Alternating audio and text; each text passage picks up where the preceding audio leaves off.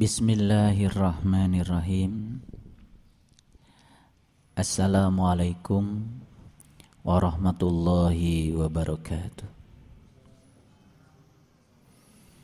Subhanallah walhamdulillah.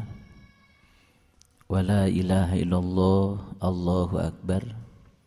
Wa la hawla wa la quwata illa billahil aliyyil azim Allahumma salli ala Muhammad وعلى آل محمد كما صليت على إبراهيم وبارك على محمد وعلى آل محمد كما باركت على إبراهيم إنك حميد مجيد سبحانك لا علم لنا إلا ما علمتنا إنك أنت العليم الحكيم سبحانك أشهد أن لا إله إلا أنت أستغفرك وأتوب إليه أستغفر الله العظيم أستغفر الله العظيم أستغفر الله العظيم الذي لا إله إلا هو الحي القيوم وأتوب إليه من جميع المعاصي والذنوب. La haula wa la quwata illa billahil aliyil azim. Mari kita sadari dengan kesadaran penuh bahwa kita berada di sini semata-mata karena Allah menginginkan kita ada di sini. Kita berada di sini karena Allah ridho karena Allah hendak menyampaikan sesuatu lewat kepanjangan tangannya kepada kita sekalian. Oleh karena itu, dengan kesadaran penuh, mari kita puji Allah bersama-sama membaca hamdalah. Alhamdulillahi Rabbil Alamin. Salawat dan salam mari kita sanjungkan kepada junjungan kita Nabi Allah yang agung Nabi besar Muhammad Rasulullah Sallallahu Alaihi Wasallam. Seraya bersalawat padanya. Allahumma salli ala Sayyidina Muhammad wa ala ali Sayyidina Muhammad. Mari kita awali majelis ilmu ini. Bersama-sama memohon ridho dan berkah Allah. Kita sertakan Allah dalam majelis ini dengan menyapanya dengan membaca basmalah Bismillahirrahmanirrahim.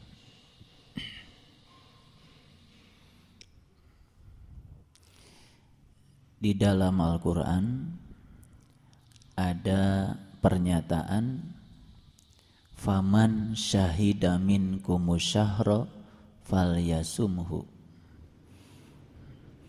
Ini pernyataan yang sangat luar biasa Tidak perlu ditakwil tidak perlu kemampuan bahasa Arab yang terlalu tinggi.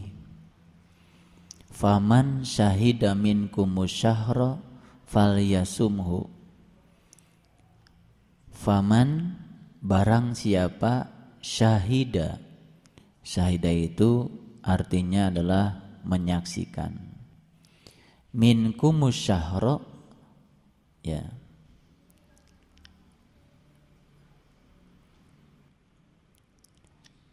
menyaksikan apa? Menyaksikan syahro. Syahro itu adalah bulan. Fal yasumhu maka laksanakan saum. Berdasarkan ayat itu kita bisa mengambil kesimpulan bahwa orang-orang yang boleh melaksanakan saum adalah orang-orang yang sudah melihat bulan. Yang sudah menyaksikan bulan. Faman syahida minkum syahra falyasumhu.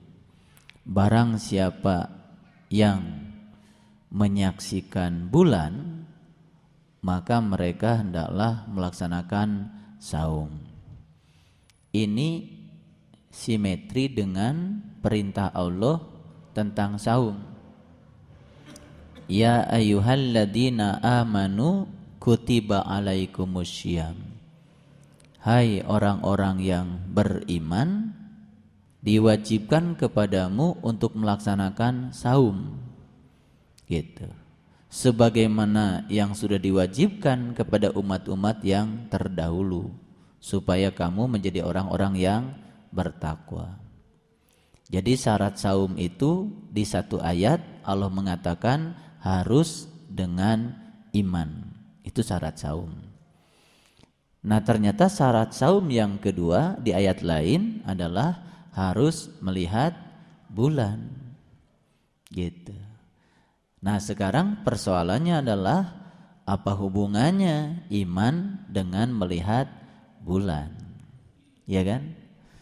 Ini harus dipahami secara jernih, cerdas agar kita bisa mendapatkan kesimpulan dari dua pernyataan yang berbeda yang seakan-akan memang berbeda. Jadi di satu ayat syaratnya saum itu adalah iman. Di ayat lain Allah menyatakan syarat saum itu adalah harus melihat bulan. Kata-katanya sederhana, faman syahida minkum syahra falyasumhu jadi orang itu kalau belum melihat bulan ya jangan saum. Nah sekarang apa hubungannya melihat bulan dengan iman? Kalau melihat bulan yang biasa tentu saja tidak ada hubungannya dengan iman. Tapi kalau melihat bulan yang hakikat melihat bulan yang sejati sebagaimana yang dinyatakan Nabi kepada para sahabat ini hadisnya hadis sahih mutafak alaih kelak kamu akan melihat Tuhanmu seperti kamu melihat bulan purnama ini mutafak alaih artinya hadis yang tidak perlu diragukan lagi dalam kumpulan hadis Bukhari Muslim itu adalah hadis nomor 2003 jadi nomornya saya sebut supaya nanti kita kalau mencarinya mudah. Ini yang harus dipahami secara cerdas. Jadi ternyata syarat saum itu di satu sisi harus iman, di sisi lain harus melihat bulan. Jadi tidak ada kewajiban saum kalau belum melihat bulan. Makanya yang dihaikan hanya orang-orang yang beriman. Jadi kalau begitu tentu saja ada hubungan antara melihat bulan dengan iman. Merujuk kepada hadis Nabi yang mengatakan man soma Ramadan imanan wahtisaban. Nabi sendiri mengatakan ya, orang-orang yang saum di bulan Ramadan itu harus dengan iman. Makanya orang yang saum dengan iman gufirolahu mata maka Allah akan mengampuni segala dosa-dosanya. Makanya ada pernyataan ya sebagian dari bulan Ramadan adalah bulan ampunan yang ujungnya itkum minanar dibebaskan dari api neraka. Nah, bagi orang yang sudah bisa mengalami bagaimana menyaksikan bulan sejati di dalam dirinya, maka sebetulnya itulah orang-orang yang akan memahami perintah saum harus dilandasi dengan iman. Nah, saum yang semacam inilah yang akan mengantarkan hamba-hamba Allah menjadi orang yang bertakwa. Jadi banyak orang yang saum cuma sekedar menahan lapar dan dahaga, saum syariat, saum raga. Nah, tidak menyentuh pada wilayah jiwa, akibatnya saum yang semacam itu tidak akan pernah mengubah kesadaran. Nah oleh karena itu beruntunglah mereka-mereka yang sudah bisa saum dengan iman ya karena sudah menyaksikan bulan.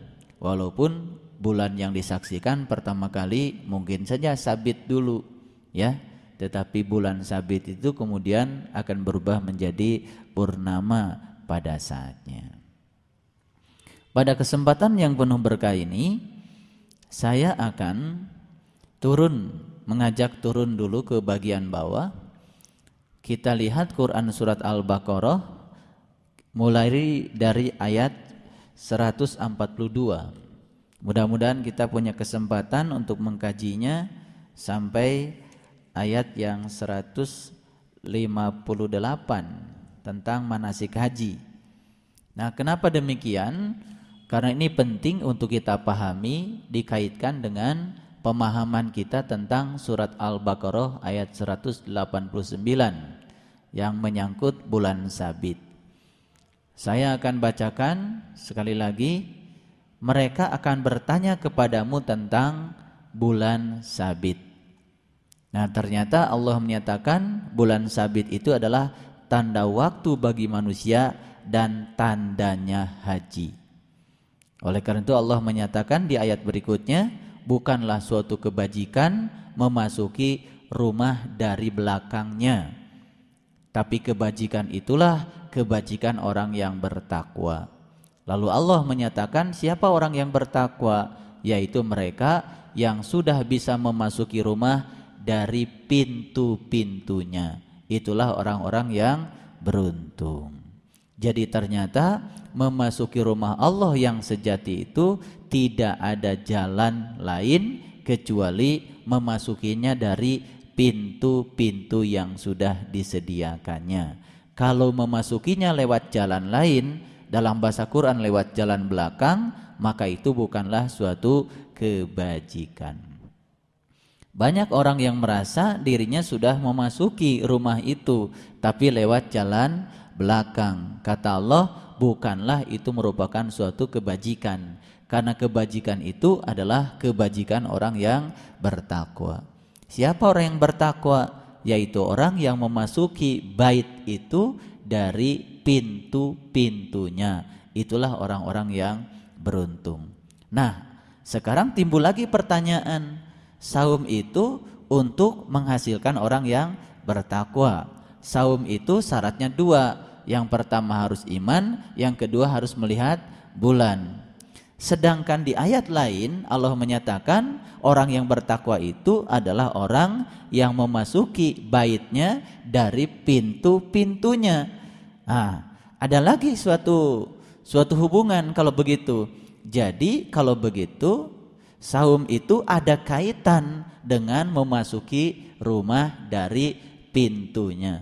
Nah, kalau orang yang sudah bisa memasuki rumah lewat pintu itu, kemudian dia itu menghindarkan segala kehidupan-kehidupan yang bersifat duniawi, itulah saum yang sebenarnya. Itulah saum hakikat. Maka orang yang saum seperti itu paling tidak dia akan menyaksikan uh, bulan sabit paling tidak ya Ya, syukur-syukur kalau menyaksikan purnama. Syukur-syukur kalau menyaksikan seribu bulan. Nah itu namanya Lailatul Qadar. Jadi semua itu petanya menjadi amat jelas ya. Kalau kita membacanya secara komprehensif Al-Quran itu. Tapi kalau kita mengartikan takwa berdasarkan persepsi kita, mengartikan saum berdasarkan kebanyakan orang melakukannya, nah, menerjemahkan Lailatul Qadar seperti orang memahaminya, tidak langsung kita tujukan pada Al-Qur'an, kita akan mendapatkan pemahaman yang parsial, artinya tidak menyeluruh. Jadi semakin kelihatan ya, tautan konsep antara satu bagian dengan bagian yang yang lainnya. Nah, makanya kenapa saya bilang tadi, mudah-mudahan kita bisa kupas dari ayat 142 sampai ayat 158 karena di ayat 158 itu itu murni cerita tentang manasik haji. Jadi ada hubungan ternyata saum dengan haji. Nah, luar biasa sebetulnya. Baik. Apa isi dari Quran surat Al-Baqarah ayat 142? Isinya sebetulnya cerita tentang kiblat. Ya. Saya sering mengulang-ulang kalau kita pergi umroh pergi haji, maka ziarah di Madinah itu kan dimulai dengan ziarah di Masjid Kuba. Nah, dari Masjid Kuba kemudian kita menuju ke Jabal Uhud. Uhud itu dari Ahad. Ahad itu sebetulnya adalah satu. Nah, setelah dari Jabal Uhud, kemudian kita menuju Kiblatain. Dari Kiblatain baru kita pulang menuju Madinah Al Munawar. Itu adalah suatu etape perjalanan ziarah yang diajarkan Rasulullah. Nah, Masjid Kuba apa? Masjid Kuba itu adalah masjid yang dibangun atas dasar takwa. Cerita takwa lagi. Jadi cerita Kuba itu cerita takwa lagi. Jadi memasuki Masjid Kuba yang sebenarnya adalah harus dengan takwa.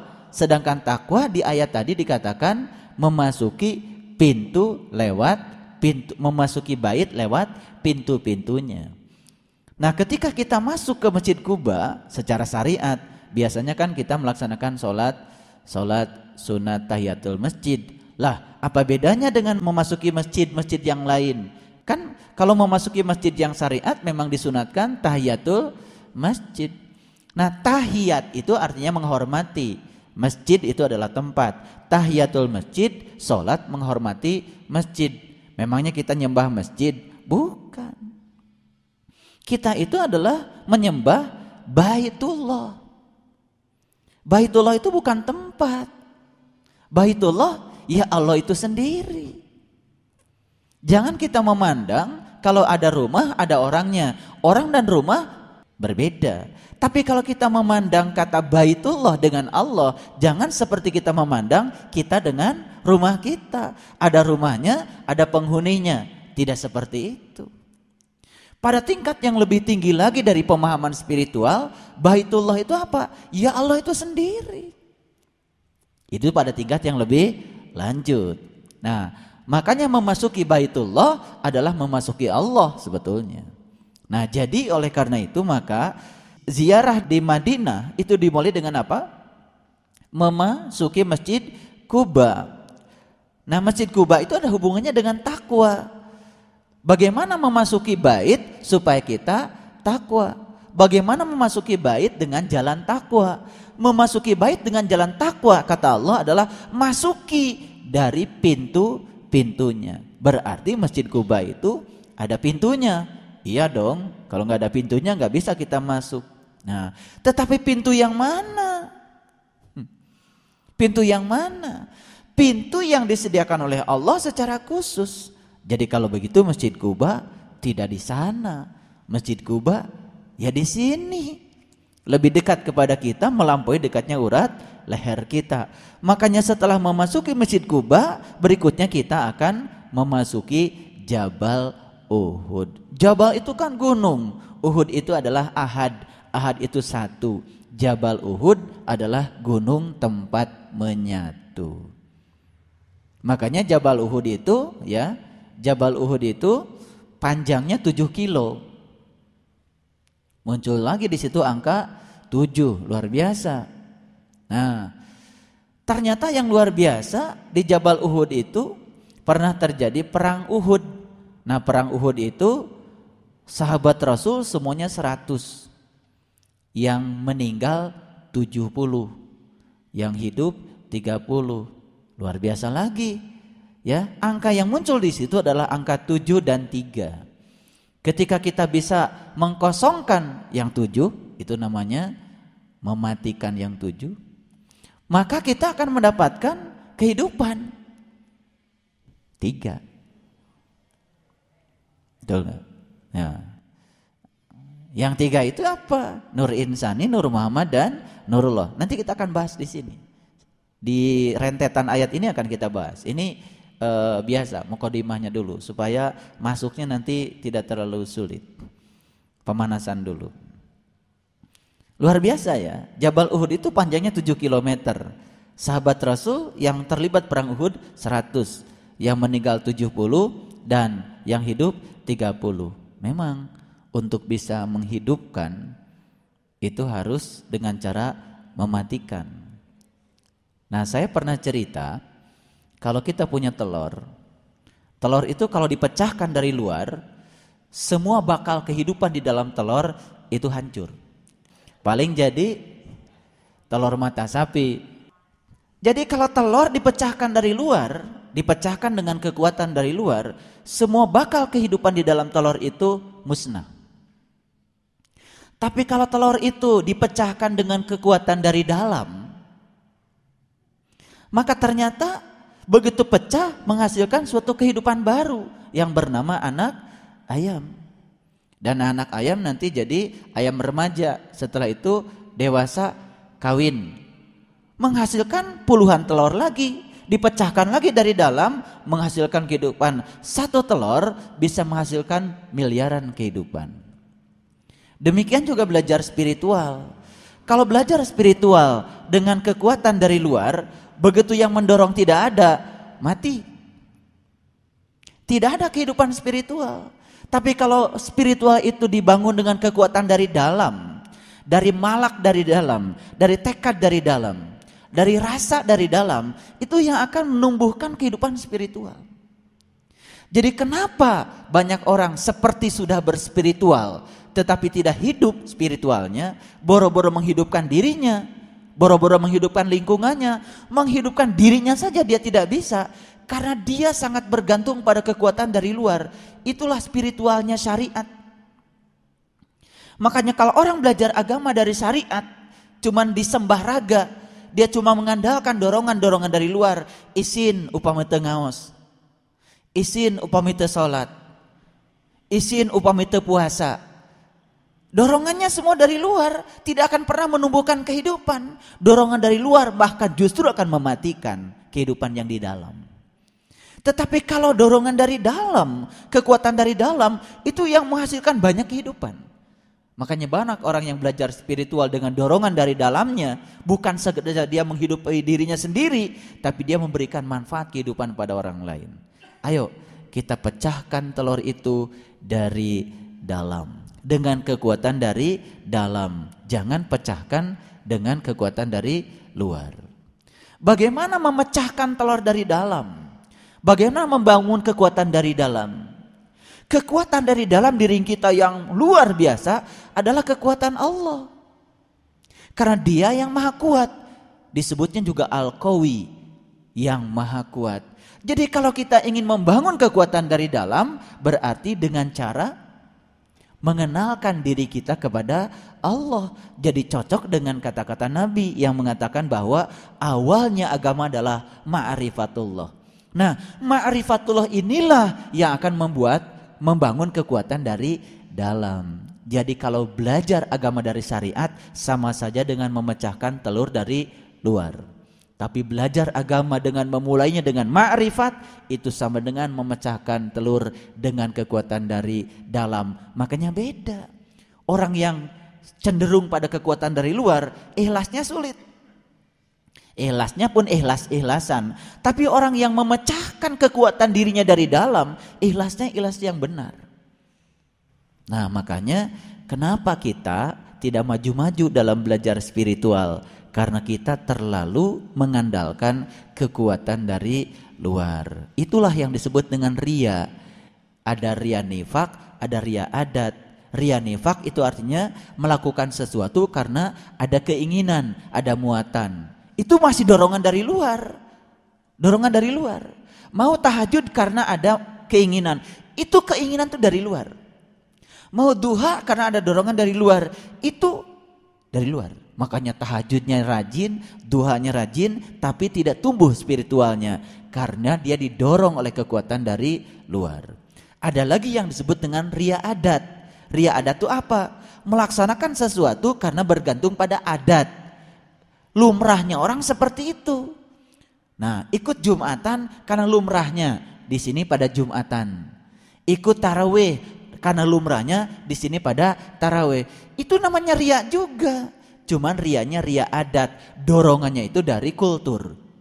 Dari kebiasaan orang melakukannya. Itu juga tidak akan pernah menumbuhkan spiritual. Jadi saya berikan pencerahan sekarang.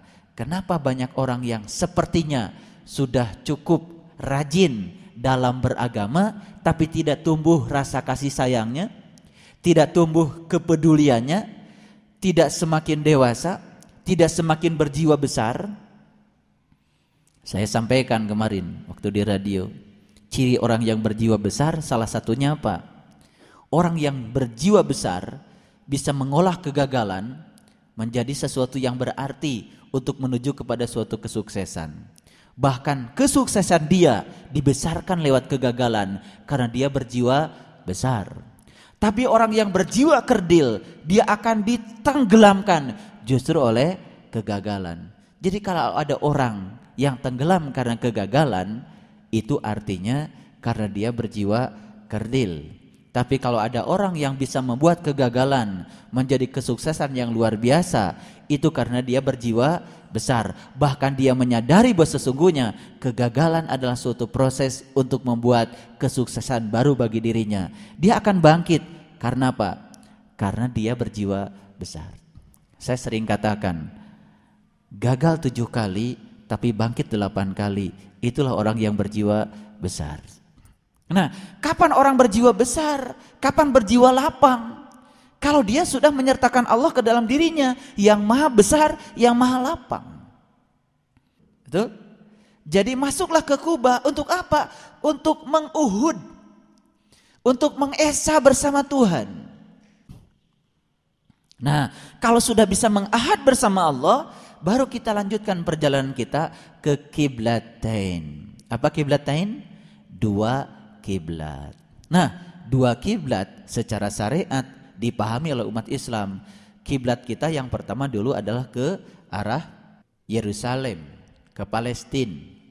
Kemudian dirubah kiblatnya ke Makkah Al-Mukarramah.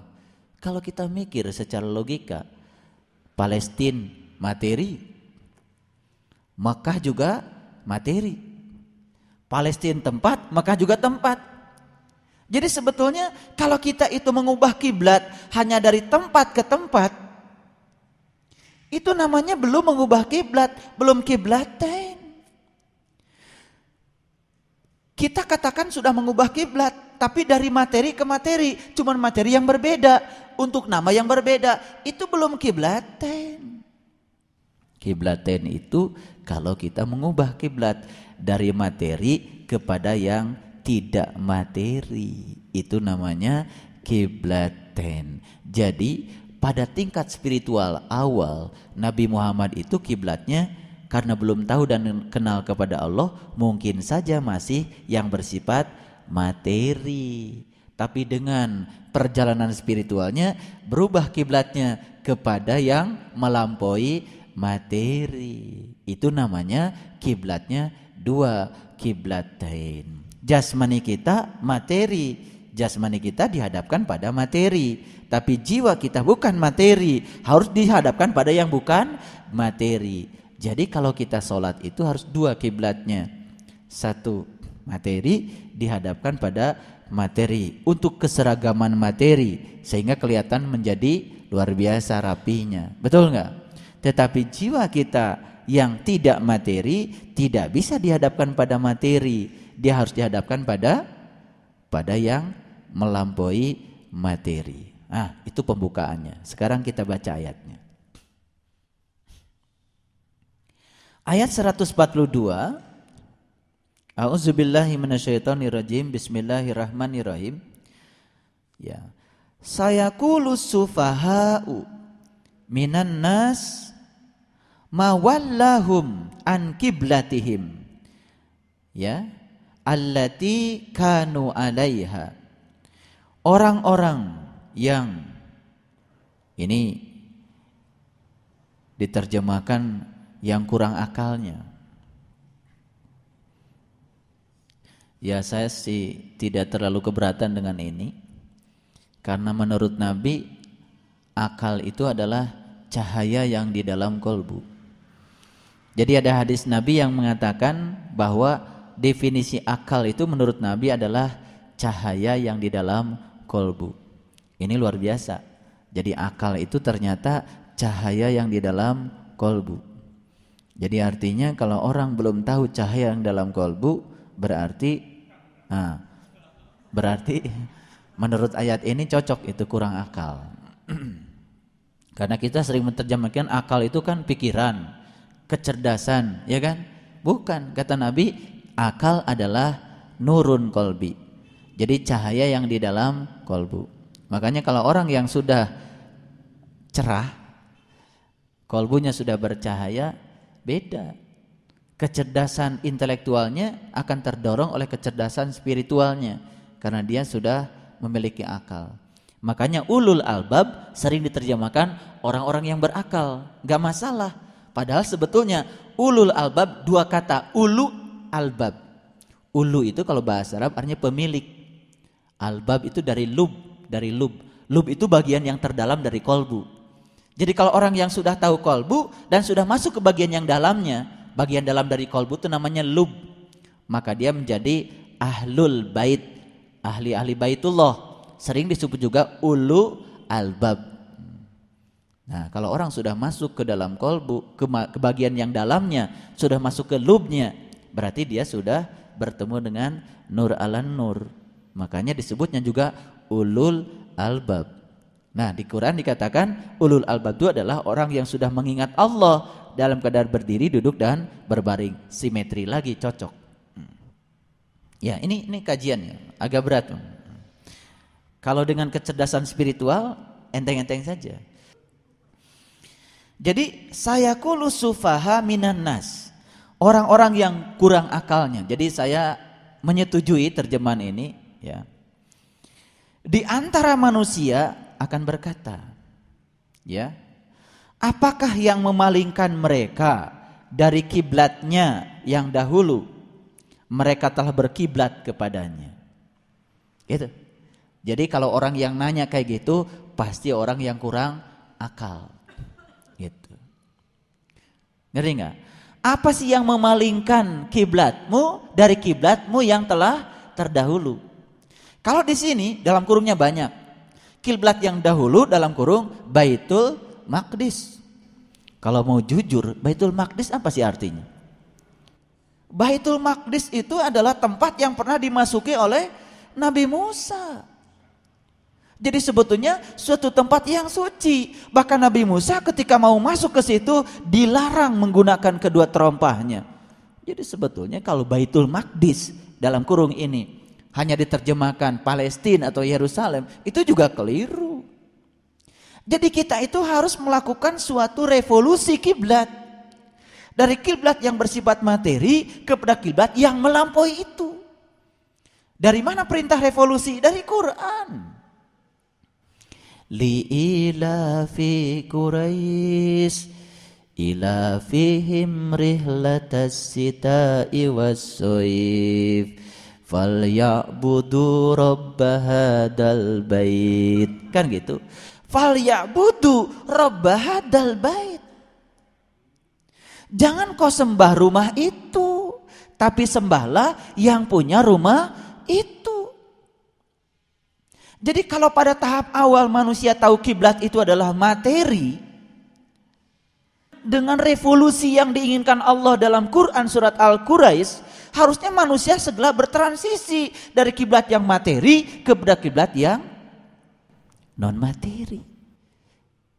Falyabudu rabb hadzal bait. Jangan sembah rumah itu, sembah yang punya rumahnya. Hmm. Orang begitu nyampe di Masjidil Haram yang pertama kali nyampe sana langsung histeris teriak-teriak. Kenapa dia teriak? Itu adalah kerinduan kepada Allah.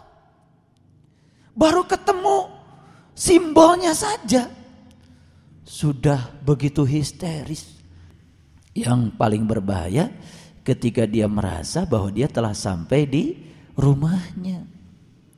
Kemudian dia berkeliling tujuh kali dan merasa sudah menjadi tamunya. Ya Allah, mau berkeliling tujuh puluh ribu kali kalau masih di luar belum jadi tamunya dan otomatis tidak akan pernah disuguhi apa-apa. Ya tamu baru disuguhi kalau sudah duduk di dalam. Duduk di dalam sopan baru disuguhi. Kan Allah bilang, Innalladzina qalu rabbuna Allah Sesungguhnya orang-orang yang sudah menyatakan Tuhannya adalah aku Allah. Sumastaqamu Kemudian menjalankan istiqomah. Tatanazzal alaihimul malaika. Aku akan turunkan malaika. Aku akan bangun tekadnya. Aku akan bangun karepnya alla takhafu wa la tahzan. Aku hilangkan segala rasa takut dan rasa khawatirnya karena dia sudah merasa cukup bersama Allah. Kan di Quran surat Ad-Duha yang sudah kita bahas wa wajadaka ailan faagna.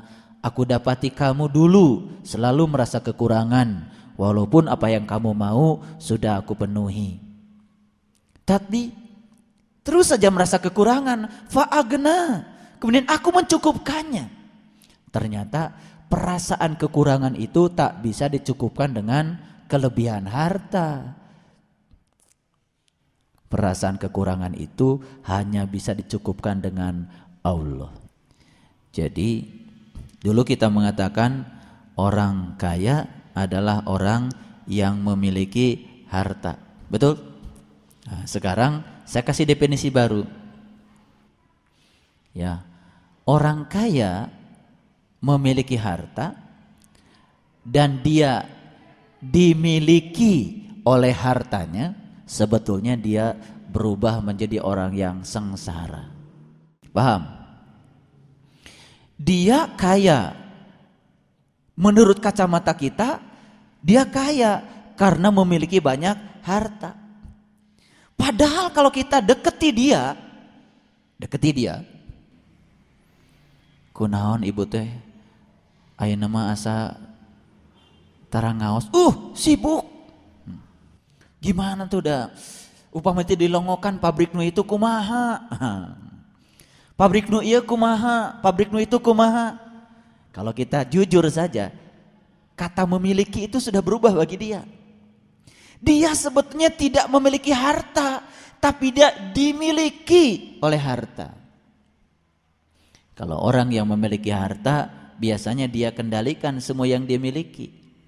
Kalau dia sudah dimiliki oleh harta, dia sumbangkan seluruh jiwa, raga dan kehidupannya untuk hartanya. Saya mau tanya, banyakkah orang yang dimiliki harta?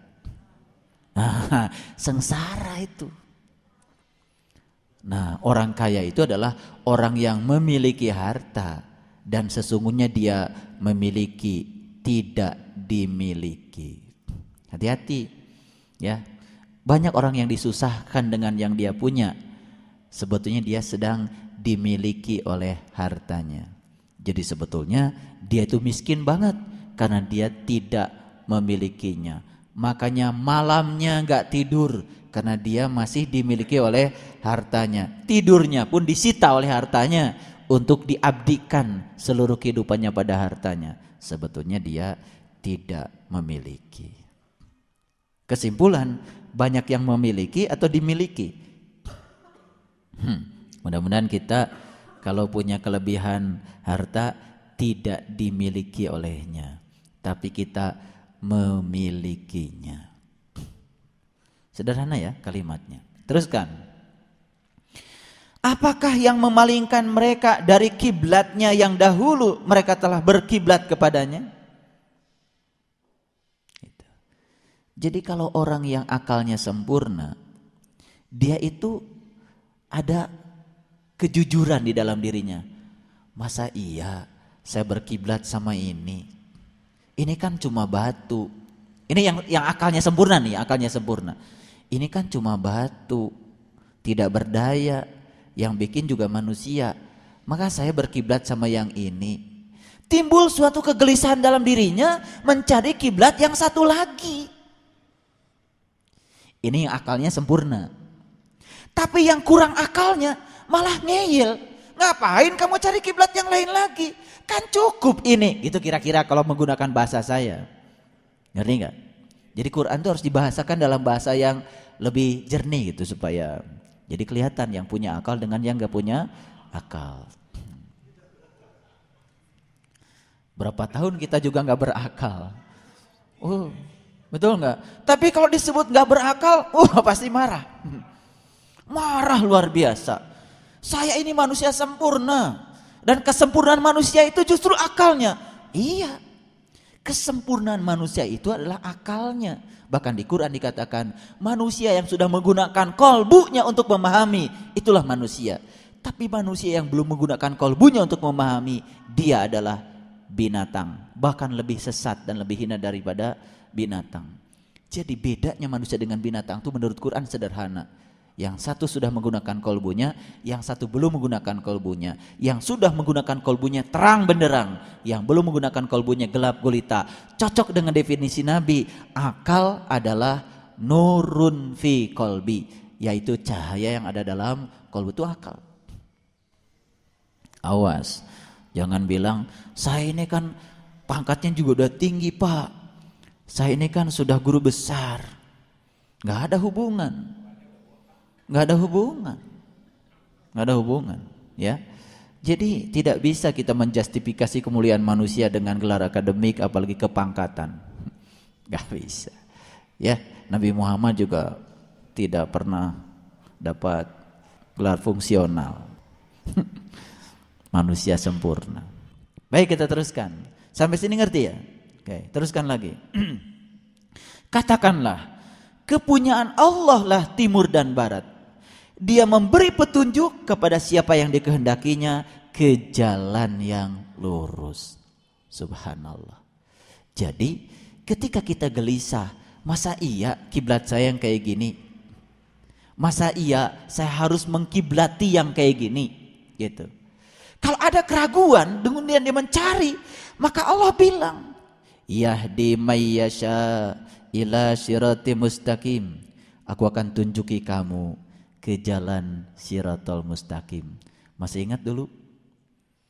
Waktu saya membahas Quran surat Ad-Duha. Fa'ammal yatima fala takhar wa amma sa'ila fala tanhar. Aku dapati kamu dulu eh suka berlaku sewenang-wenang pada yatim. Aku dapati dulu kamu suka menghardik yang minta-minta. Masih ingat itu? Ada yang minta dari dalam. Ada yang minta-minta dari dalam. Kita hardiknya. Betul nggak? Kata yang di dalam, jujurlah kamu, amanahlah kamu, dorong dari dalam. Tapi karena dia itu didorong oleh kekuatan dari luar, kehidupan dari dalam gak hidup. Subhanallah. Wadduha Ma waddaka rabbuka wa ma qala Walal akhiratu khairul laka minal ula Wala sawfa yutika rabbuka fatarda Alam yajid kayatiman fa'awa. Aku dapati kamu dulu yatimmu itu tidak ada lindungannya, tidak ada pelindungnya. Aku lindungi kamu. Fa'ammal yatima fala takhar. Aku dapati juga kamu dulu dalam keadaan berwaktu sewenang-wenang kepada yatim. Fa'amma fala tanhar. Kamu juga suka menghardik yang minta-minta. Dikira ini yang minta-minta nih pengemis. Bukan. Yang sering kita hardik tuh yang minta dari dalam. Bangunlah bangun kata yang dari dalam. Eh lu. Hmm. Itu menghardik sebetulnya. Cuman berapa banyak orang yang sadar dengan Quran surat duha itu. Hari ngiluan taraweh mau ngal peting. Imam maca aduha. Lo lo gua gua. Padahal jelas Wa amasa ila tanhar. Eh, kamu itu suka menghardik yang minta-minta. Yang minta dari dalam luar biasa. Kata yang dalam ngaji, ngaji. Engke eta mah. Ngaji mah ya isu. Hmm. Gitu. Tahajud, tahajud, salat, salat, dorongan dari dalam luar biasa. Karena yang dari dalam itu cuma minta didekatkan pada Allah sajalah, itu saja. Tapi kita hardiknya dia. Jelas. Subhanallah. Luar biasa. Katakanlah, kepunyaan Allah lah timur dan barat. Dia hanya memberi petunjuk kepada siapa yang dikehendakinya. Tolong perhatikan. Yahdi mayyasha ila sirati mustaqim. Allah akan menunjukkan kepada yang dia kehendaki ke jalan siratal mustaqim. Siapa yang akan dikehendaki? Yang tadi itu, yang gelisah ada apa sih pada diri saya kok saya merasa kurang? Padahal pangkat sudah naik, mobil sudah kebeli, kue lebaran sudah banyak. Tapi ada yang kurang pada diri saya. Apa sih yang kurang itu? Gak ngerti mereka. Sebetulnya yang kurang itu adalah Allah belum bersama dia. Karena kata Allah, tidak ada yang bisa menutupi kekurangan-kekuranganmu kecuali aku. Wa wajadaka ailan fa'agna. Kamu selamanya akan merasa kurang sebelum aku hadir mencukupkan kamu. Makanya begitu Sayyidina Umar diimankan, disahadatkan oleh Rasulullah. Beliau mengatakan hasbi Allah. Saat itu seluruh harta kekayaannya, ya Rasul, aku sumbangkan seluruh kekayaanku untuk perjuanganmu. Bagaimana dengan keluargamu Umar? Hasbi Allah. Perasaan kurang itu langsung musnah seketika ketika Allah hadir ke dalam diri seseorang. Makanya berapapun dia banyak harta, kalau dia merasa kurang, tidak akan pernah berbagi kepada siapa pun. Makanya orang yang sudah berbagi kepada orang lain karena hartanya banyak, karena dia sudah merasa cukup dengan Allah. Jadi apa yang bisa membebaskan seseorang dari sifat kikir? Cuma satu, bersama dengan Allah. Ini penting. Kepunyaan Allah lah timur dan barat. Dia memberi petunjuk kepada siapa yang dikehendakinya ke jalan siratal mustaqim. Jadi untuk mendapatkan kiblat yang satu lagi, Quran mengajarkan kamu harus menghendaki untuk mendapatkan syirat al-mustaqim. Betul? Subhanallah. ولسوف يؤتيك ربك فترضى ألم يجدك يتيما فآوى wa wajadaka dolan fahada. Pada saat itu aku dapati kamu dolan bingung jalan ke sana jalan ke sini ngaji ke sana ngaji ke sini. Uh udah baca itu baca ini. Kamu masih saja dolan bingung. Eh ketemulah dengan Pak Hada. Eh Wawajadaka dolan. Kamu saat itu bingung. Fahada. Ketemulah dengan Fahada. Hmm. Setiap sholat baca itu nggak ngerti-ngerti. Ternyata supaya tidak dolan-dolan terus, ketemulah dengan Fahada. Fahada yang memberi petunjuk. Begitu ketemu dengan Fahada, Alhamdulillah dapat petunjuk. Setelah dapat petunjuk, wa wajadaka ailan faagna. Semua perasaan kekurangan itu hilang. Perasaan gelisah hilang. Tidak cemas lagi dengan ketiadaan. Tidak terlalu juga sombong dengan apa yang ada. Hidup biasa-biasa saja. Karena sudah dicukupkan dengan Allah. Luar biasa. Jadi kalau sudah ketemu dengan Pak Hada ha, luar biasa. Makanya nggak usah cari siapa-siapa. Cari aja Pahada. Udah jelas di Quran. ya. Saya sengaja bahasakan pakai bahasa yang gampang. Nanti kalau ada orang baca Quran surat Ad-Duha langsung tahu, oh iya. Saya dulu kerjanya dolan, dolan. Baru berhenti setelah ketemu dengan Pahada. Subhanallah. Baik kita teruskan. Ya. Dan demikianlah kami telah menjadikan kamu umat yang adil dan umat pilihan. Apa kita tidak mau jadi umat pilihan? Umat yang adil. Apa artinya adil? Adil itu artinya dia sudah di tengah. Sudah tidak lagi terombang-ambing oleh pasang surut kehidupan dunia. Adil yang saya maksud bukan adilnya bahasa pengacara. Bukan adilnya bahasa jaksa, bahasa hakim, bukan. Adil itu artinya apa? Adil itu artinya sudah tidak terombang-ambing lagi oleh pasang surut kehidupan dunia. Begitu dia ketemu dengan kiblat yang sesungguhnya, dia menjadi orang yang adil, bahkan dia menjadi orang-orang yang pilihan. Oh, jadi orang pilihan itu luar biasa. Siapa yang memilih? Yang memilih adalah dirinya sendiri untuk menjadi orang pilihan. Betul? Tetapi ketika kita memilih diri kita untuk menjadi seorang yang pilihan, maka kita membiarkan diri kita untuk diproses menjadi seorang manusia yang terpilih. Betul nggak?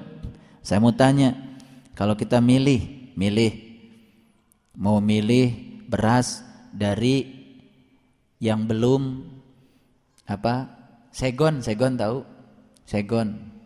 Kan kalau kita menumbuk beras supaya berasnya terpisah dengan kulitnya, kan diayak dulu, ditapi dulu, betul nggak? Berulang-ulang, berulang-ulang sampai mendapatkan yang pilihan. Kita aneh, ingin jadi manusia terpilih, ingin dipilih, tapi ketika Allah memproses kita pada suatu proses pemilihan, kita nggak siap, diayak hela, diayak, betul nggak? Iya, ditapi, betul nggak? Di alung-alung hela kan? Hmm, hmm. Ya, di alung-alung hela. Alungkan kalhur, kanap deui. Alungkan kalhur, kanap deui. Ya, ingin jadi yang terpilih tapi pengen tanpa risiko. Aneh. Beras sebelum dipilih di alung-alung hela. Hmm, betul nggak? Subhanallah. Alungkan kalhur, rag-rag kalhur, rag-rag deui. Betul nggak? Akhirnya terpilih dia. Kita baru dialungkan sekali ke rag-rag langsung letoy Gimana mau jadi pilihan? Diproses oleh Allah. Karena di sini Allah mengatakan orang-orang yang ditunjukkan ke jalan Siratul Mustaqim itu adalah orang-orang pilihan. Jadi kalau dipilih bukan langsung digini sama Allah, eh kamu dipilih, bukan begitu, diproses. Makanya di Quran surat uh, Al-Ankabut itu dikatakan Ahasiban nas ayutraku ayakuluna amana wa hum la yuftanun? Apa kau mengira akan biarkan kau mengatakan iman sementara aku tidak mengujinya? Dan di ayat berikutnya Allah mengatakan, ujian ini adalah untuk memilih siapa di antara kamu yang benar-benar imannya dan siapa yang imannya palsu. Itu di ayat berikutnya. Jadi yang palsu dengan yang iman itu akan dipilih, diayak. Ya. Jadi kalau sampai hari ini kita masih belum siap untuk menjadi orang yang terpilih karena kita tidak membiarkan diri kita untuk dipilih sampai kapan pun tidak akan pernah menjadi manusia pilihan. Ya, kuncinya itu saja. Hoyong nanti norawas wae. Ya Allah. Tidurna hoyong raos tuangna hoyong no raos itu ya. Upami tiasa sama Gusti ulah ayah ujian Gusti. Kan gitu Kata Allah, kapan saya mau memilih kamu menjadi manusia pilihan kalau kamu tidak pernah menyerahkan dirimu padaku untuk dipilih. Ayo, biarkan diri kita dipilih oleh Allah, diproses sesuai dengan yang Allah mau. Luar biasa sebetulnya. Cuman kita nggak ngerti bahwa kita itu sekarang sedang diproses untuk menjadi manusia pilihan. Betul nggak? Iya. Aduh, menikir kieu teuing. Ah, iraha tuh. Hmm. Subhanallah. Matakan ari ngawas Quran teh tong rusuh teuing. Pelan-pelan saja tapi coba diselami luar biasa. Dan demikianlah Wa kadzalika ja'alnakum ummatan wasato. Dan demikianlah kami jadikan kamu umat yang wasato, wasit. Wasit itu adalah yang di per, yang di tengah. Kenapa sepak bola kita nggak maju? Karena wasitnya sering berpihak. Berpihak. Begitu berpihak apa yang terjadi? Berantem. Jadi kenapa di kita berantem terus? Karena tidak ada wasit. Tidak ada manusia yang di tengah. Ini yang kita butuhkan sekarang. Wa ja'alna wa kadzalika ja'alnakum umatan wasato. Litakunu syuhada. Subhanallah. Agar kamu menjadi saksi atas manusia dan agar Rasul menjadi saksi atas kamu. Jadi kita itu butuh wasato wasit umat-umat yang pertengahan. Umat-umat eh, kayak ginilah yang akan memberikan kedamaian. Coba kalau ada orang ada yang datang pada dia, eh ibu tahu nggak si ibu itu anu anu anu anu, anu. diam aja, diam aja tidak. Oh mohon ah udah rusak, rusak, ngerikan. Ya, jadi agar kamu menjadi apa? Menjadi syuhada. Ini kata-kata syuhada ala nas. Menjadi syuhada, menjadi para penyaksi di antara manusia. Subhanallah. Ya. Dan kami tidak menetapkan kiblat yang menjadi kiblatmu melainkan agar kami mengetahui siapa yang mengikuti Rasul dan siapa yang membelot. Jadi untuk orang-orang yang membelot tidak sungguh-sungguh mengikuti Rasul sampai kapan pun tidak akan mendapatkan kiblat yang dia cari.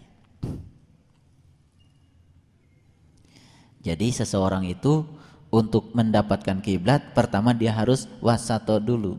Harus jadi umat yang adil, umat yang pertengahan. Setelah dia menempatkan diri yang pertengahan, tidak berpihak, tidak menghukum, tidak menjas, itu sudah ada bibit itu, ya. Jadi manusia-manusia yang memiliki potensi untuk menjadi syuhada. Dan pada ujungnya nanti dia akan memperoleh kiblat dia yang sebenarnya. Kalau dalam kehidupan dia sudah dapat kiblat yang sebenarnya, dia pulang tidak akan ke mana-mana. Pasti akan ngikutin kiblatnya itu memenuhi ayat Inna lillah wa inna ilaihi rojiun. Itu.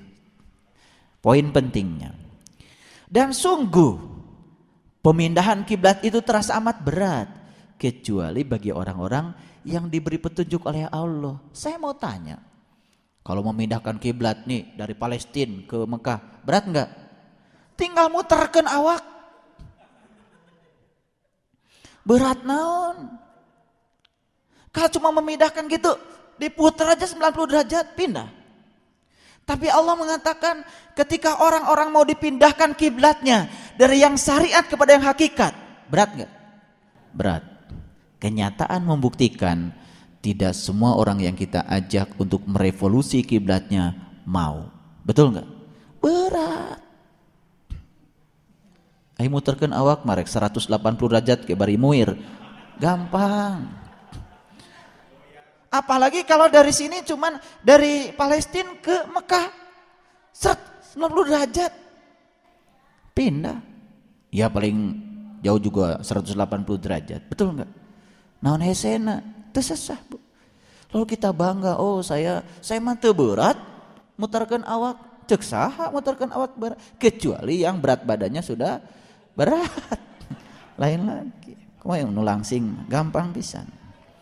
Tapi bukan soal berat itu. Bukan soal berat itu. Kita juga dulu mau diajak untuk menaikkan kiblat kita dari yang syariat pada yang hakikat. Hese, betul nggak? Harus dikasih pencerahan dulu empat kali. Betul nggak?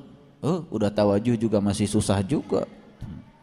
Nah bener itu terus masih subhanallah dipilih. Ya saya sana sakit.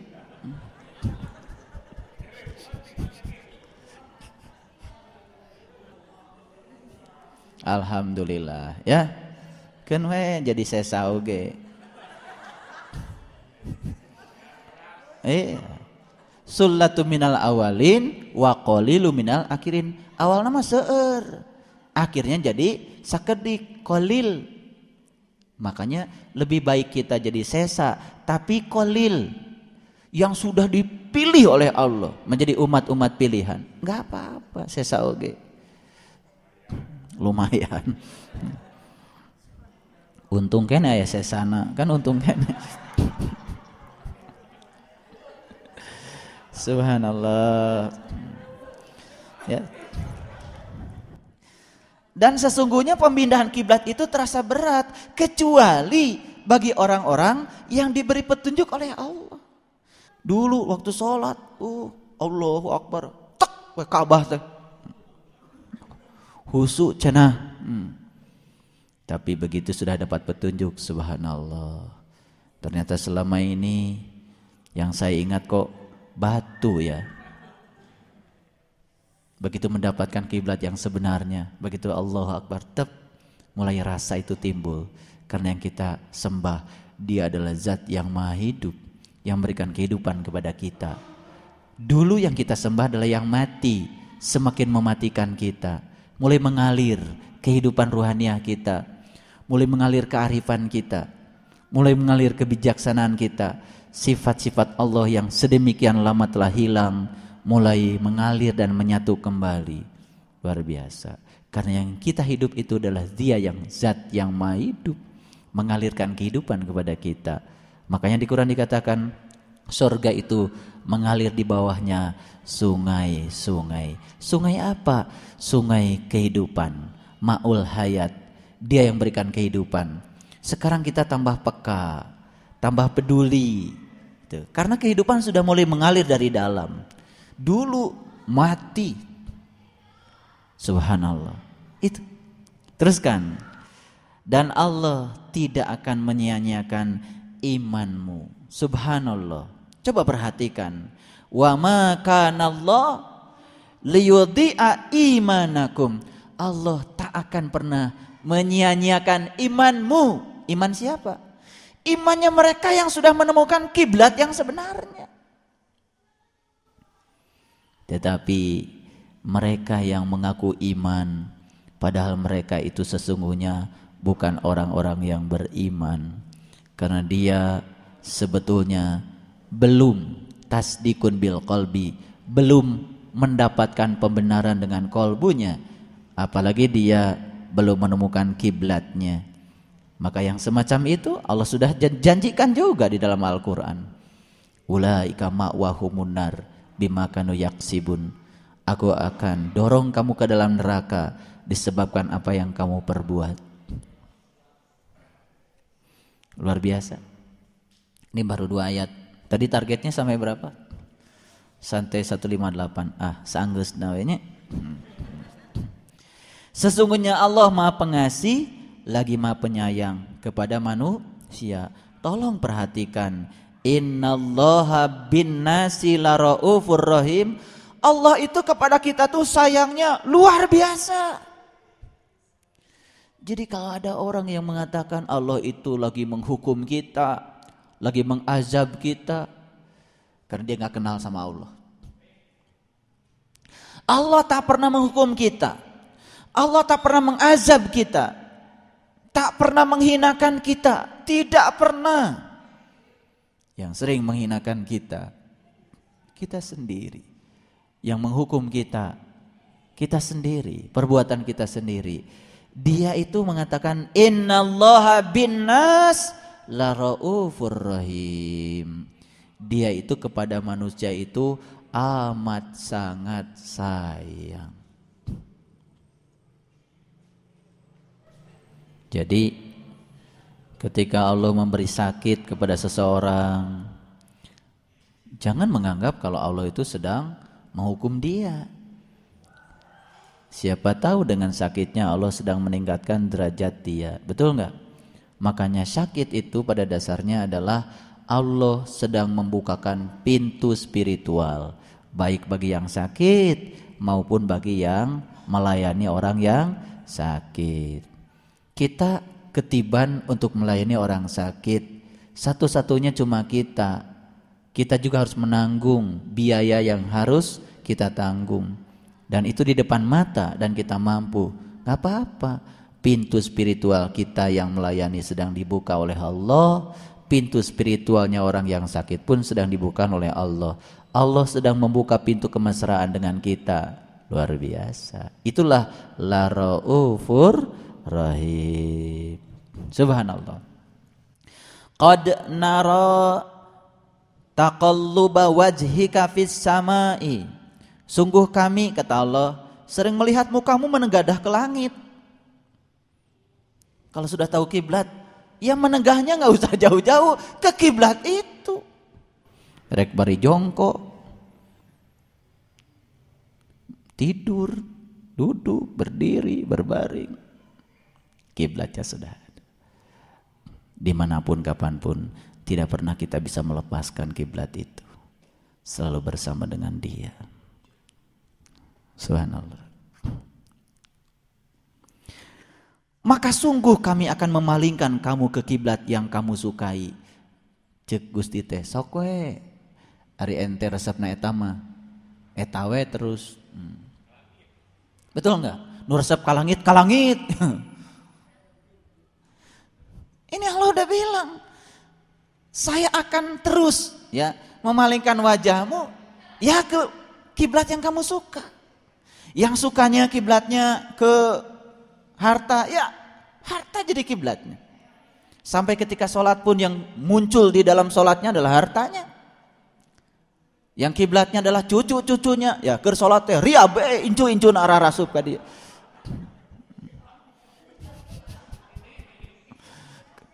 Rihab, pabalatak. Subhanallah. Jadi Allah akan memalingkan kiblatmu pada yang kamu suka. Tapi mereka yang sudah ditunjukkan ke jalan siratul mustaqim saat di mana berpaling dibuang langsung difokuskan ke situ. Bukan ini kiblatku ya Allah. Begitu berpaling lagi ke sini, bukan ini kiblatku ya Allah. Terus ke situ. Wajar kalau ada lintasan-lintasan itu tapi ditangkis semuanya. Itu namanya khusyuk. Itu namanya khusyuk. Karena kita tidak mau memalingkan ke situ, pengen ke situ. Sudah ada pengen itu sudah bagus. Tapi yang tidak tahu pengen ke mana, bingung kan? Begitu berengkah dia segala ayah, cicing we didinya.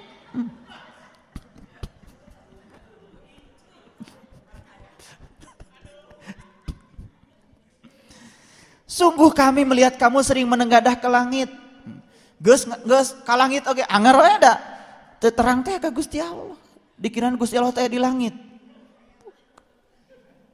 Lebih dekat kepadamu daripada urat leher. Betul enggak? Iya. Subhanallah. Punten Ibu, Bapak. Berapa tahun kita sholat Dari dulu kita sholat Subhanallah Hanya mengundang sampah-sampah spiritual ke dalam kepala kita. Bacaan-bacaan rokaat marokaat coba kalau kita hitung di bulan Ramadan ini ya habis sebelum maghrib sholat qobla dua rakaat. Sholat maghrib tiga rakaat setelah itu ba'da dua rakaat. Terus tujuh rakaat. Allah Akbar Allah Akbar Isya. Qobla dari dua rakaat betul tambah lagi Isya empat rakaat enam Tambah lagi qobla dua rakaat delapan. Delapan tambah tujuh lima belas. Tambah taraweh dua puluh tilu rakaat. Ya, ti maghrib nepi ka jam delapan geus tilu puluh delapan rakaat. Laras ente ibu. Tilu puluh delapan rakaat tidak mengubah kesadaran kita sedikit pun. Tetap aja kiblatnya eta nu pabalatak teh di dieu. Nunya ka incu incuna nulu lompatan di subhanallah. Saya ngomong begini karena banyak yang mengeluh pada saya. Nah cina abdi mah ker salat kalau ka incu nu datang. Nya ada ente meresep pisan ka incu. Hmm. sebetulnya karena tidak ada penangkisnya. Diam aja di situ. Saya menyatakan yang sebenarnya. Ini ini Quran ibu bapak kalau ibu bapak pernah baca al-baqarah Gak usah baca surat yang lain. Al-Baqarah saja dari awal. Luar biasa. Semua kebutuhan spiritual kita itu sudah dijelaskan di Al-Baqarah. Dari A sampai Z. Coba bayangkan. Mulai dari alif lamim sampai terakhir itu. Luar biasa. Makanya sengaja saya di bulan Ramadan ini banyak fokus pada Al-Baqarah. Supaya kita mendapatkan banyak. Karena ini luar biasa. Coba. Banyak orang yang menegakkan wajahnya ke langit. Betul nggak? Uh, kan tenan hari di mah tuh. Di Jabaroh mah. Betul enggak? Karario. Tararangah ka langit. Hmm. Ini Allah. Allah tuh sering melihat. Kalau Allah nggak sering melihat nggak akan ngomong gini. Sungguh kami sering melihat. sering. Mau kamu menenggalah ke langit. Paling juga sekarang Gusti rumaos kapungkur. Hmm. Iya, zaman jahiliyah. Untung we tas ketemu sarang pahada. Subhanallah. Jadi sekarang kita bisa mentertawakan diri sendiri. Kalau dulu disebutkan kurang akal sama saya pasti marah. Ayeuna disebutkan kurang akal, aduh leres pisan, Pak. Quran teh meni leres pisan. Tuh. Iya kan? Betul? Iya. Ini baru tiga ayat yang saya bahas, sudah terasa. Ya Allah. Baik, kita teruskan. Nah, makanya kata Allah apa? Ya, maka sungguh kami akan memalingkan kamu ke kiblat yang kamu sukai. Jangan dikira kalau kiblat ini adalah oh dulu kiblat kita ke bukan. Banyak orang yang sudah berkiblat sekarang ke Mekah, tetapi sebetulnya itu cuma syariatnya saja. Kiblat dia sebetulnya adalah hartanya, pekerjaannya, kesibukannya, masalah pribadinya. Betul nggak? Itu semua datang pada saat dia sedang sholat. Tapi nggak mau kalau disebut dia tidak menyembah Allah. Habis sholat mah, terus di mana ibu? Terus sholat. Sanu disembah Allah. Hmm. Ari nu diemut tadi saha? Tak kek kek kek nu diemut tadi mah biasa we. biasa. Dianggap biasa. Ya Allah. Nah, makanya Allah bilang, palingkanlah mukamu ke arah Masjidil Haram. Masih ingat dulu ketika saya membahas Quran surat Al-Isra.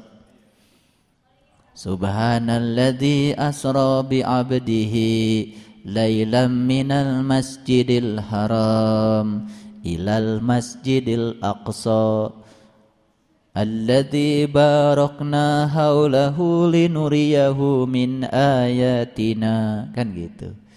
Perjalananmu akan diberkahi Allah kalau kamu berjalan dari Masjidil Haram ke Masjidil Aqsa kita itu sebetulnya datang dari Masjidil Haram untuk menuju Masjidil Aqsa Masjidil Haram Allah Masjidil Aqsa juga Allah kita datang dari Allah untuk menuju kepada Allah. Kalau kita itu dari Allah menuju Allah, hidup kita fokus. Pasti hidupnya akan diberkahi dan sepanjang perjalanan pasti akan Allah tunjukkan tanda-tandanya kepada kita untuk dikenalinya. Jadi palingkanlah mukamu ke Masjidil Haram. Kalau Masjidil Haram secara syariat, ya itulah yang di sana. Tetapi Allah sudah menyatakan janganlah kau sembah rumah ini, tapi sembahlah yang punya rumah. Subhanallah. Ya? Dan di mana saja kamu berada, palingkanlah mukamu ke arahnya. Sekarang Bapak Ibu, Masjidil Haram tadi dia syariat ya. Ini syariat, ini syariat saya cerita syariat. Masjidil Haram teh paling itu. Kan ada perintah di mana saja kamu berada, palingkanlah mukamu ke arahnya. Kerlempang kadi itu, malik ka dia. Hmm. Kerlempang kadi itu, malik dari ka dia. Terus atuh arak irahan pina. ini tolong di, ini ini saya bukan lelecon ini, beneran ini. Hmm. Di mana saja kamu berada, palingkah mukamu ke Masjidil Haram. Kalau ini dipahami secara syariat apa enggak repot hidup kita? Repot ke naik motor Pak Indra, eh ya ke mana Masjidil Haram itu buru-buru diputarkan. Apa nggak nabrak? Betul nggak? Anu ayeuna badai ka Cicadas mangga, badai ka Cililin mangga, badai ka Garut mangga. Tapi Masjidil Haram yang di sini tidak perlu, tidak bergantung pada arah kita berjalan. Betul nggak? Ke mana pun tetap saja kita bisa memalingkan wajah kita ke Masjidil Haram yang hakikat. Coba kalau ini dipahami secara syariat, nggak rusak kehidupan kita, betul nggak? Begitu maca ya, di mana saja kamu berada, palingkan mukamu ke arahnya. Hayo, we bolak balik ke itu deui rek ilah nepina. Jadi ini tidak bisa dipahami secara kalau dipahami secara hakikat repot hidup eh, secara syariat riwe hidup kita. Repot. Bayangkan saja, di mana saja kamu berada, palingkan ke arah arah Masjidil Haram. Repot. Betul nggak? Subhanallah. Tekaup sedik malik itu, balik deui ka dieu. Repot. Coba Quran itu dipahami secara cerdas. Subhanallah. Saya bukan merendahkan. Banyak sekali di bulan Ramadan ini yang sedang mentadaburkan Al-Quran. Baca Al-Quran. Tapi baca sekian juz Quran, tetapi kita tidak pernah masuk memahaminya. Duduk, jernih, berpikir. Dapat apa-apa. Coba, satu kalimat ini saja kalau kita renungi dengan cerdas. Kita dapat hikmah yang luar biasa. Oh iya ya, kalau Masjidil Haram yang dimaksud itu, kapan saya bisa tekau gawe kaditu deui kaditu deui seminar kudu ka barat hmm. betul nggak tuang di restoran cari kursi yang menghadap ke barat kunaon pak di mana pun kamu berada hadapkan ke Masjidil Haram. Riuh nu gaduh restoran betul nggak? Nggak tong dahar di dieu cenah lah. Riuh. Makan menghadap ke barat kencing menghadap ke barat mandi menghadap ke barat. Kan ada perintah. Repot kalau dipahami secara syariat, tapi secara hakikat, subhanallah. Ke mana pun kamu memalingkan wajahmu, di situ kau akan dapati wajahku. Walillahil masriki wal maghrib, fa'ina matuwalu pasama wajhullah. Ke mana pun kamu memalingkan wajahmu, di situ kau selalu akan dapati aku. Luar biasa. Ayanda ibunda dan sahabat-sahabat sekalian, inilah kesadaran yang harus ditumbuhkan pada diri kita yang ujungnya mengantarkan kita menjadi hamba-hamba Allah yang bersyukur. Cuma satu kata saja, syukur. Apalagi nikmat Allah yang mana lagi yang akan kita dustakan? Sudah dibukakan jalan yang begitu jelas. Sudah dibukakan jalan pengalaman yang begitu luar biasa. Sekarang Allah membimbing kita pun untuk melakukan pembenaran-pembenaran lewat ayat Al-Quran. Makanya di awal tadi saya mengatakan saya yakin semua orang yang hadir di sini adalah orang-orang yang terpilih. Karena hari ini Allah sedang menyampaikan, hendak menyampaikan sesuatu kepada hamba-hambanya yang terpilih itu lewat kepanjangan tangannya. Saya tidak bisa apa-apa, saya juga nggak ngerti apa-apa. Tapi saya cuma dipakai olehnya untuk menyampaikan kasih sayangnya. Ilmu yang ibu bapak sudah dapatkan, pengalaman-pengalaman yang sudah didapatkan, kenikmatan spiritual yang sudah diperoleh, itu adalah hadiah Allah yang luar biasa bukan karena jasa kita bukan karena kehebatan kita bukan karena upaya kita ma'rifatullah itu adalah hadiah besar dari Allah buat kita tak bergantung pada amalan kita kalau dihitung-hitung malu apa yang Allah berikan pada kita dengan yang kita baktikan pada Allah Allah gak butuh kita kok kita sedang berbakti pada diri kita sendiri Sebetulnya seperti itu. Subhanallah. Bapak Ibu, dan di mana saja kamu berada, palingkanlah mukamu ke arahnya. Ya, ini pahami secara hakikat. Dan sesungguhnya orang-orang yang diberi Alkitab, Alkitab memang mengetahui bahwa berpaling ke Masjidil Haram itu adalah benar dari Tuhannya. Ya. Jadi sebetulnya Ya. Kalau Alkitab ini dipahami sebagai Alkitab itu sebagai syariat, ahli kitab itu ya ahli-ahli syariat. Siapa pun kalau diceritakan seperti ini pasti mengatakan, "Oh iya, benar." Ya kan? Memang kita harus menemukan itu. Tapi dalam proses menuju kebenaran itu tidak sederhana ketika dia membenarkannya. Subhanallah. Dan Allah sekali-kali tidak lengah dari apa yang mereka kerjakan. Ayanda, ibunda dan sahabat-sahabat sekalian yang dirahmati Allah, saya ingin loncat sedikit kepada ayat yang ke-152 karena waktu kita terbatas nanti kita akan kupas lagi. Sudah ketemu? Iya. Karena itu ingatlah kamu kepadaku. 152.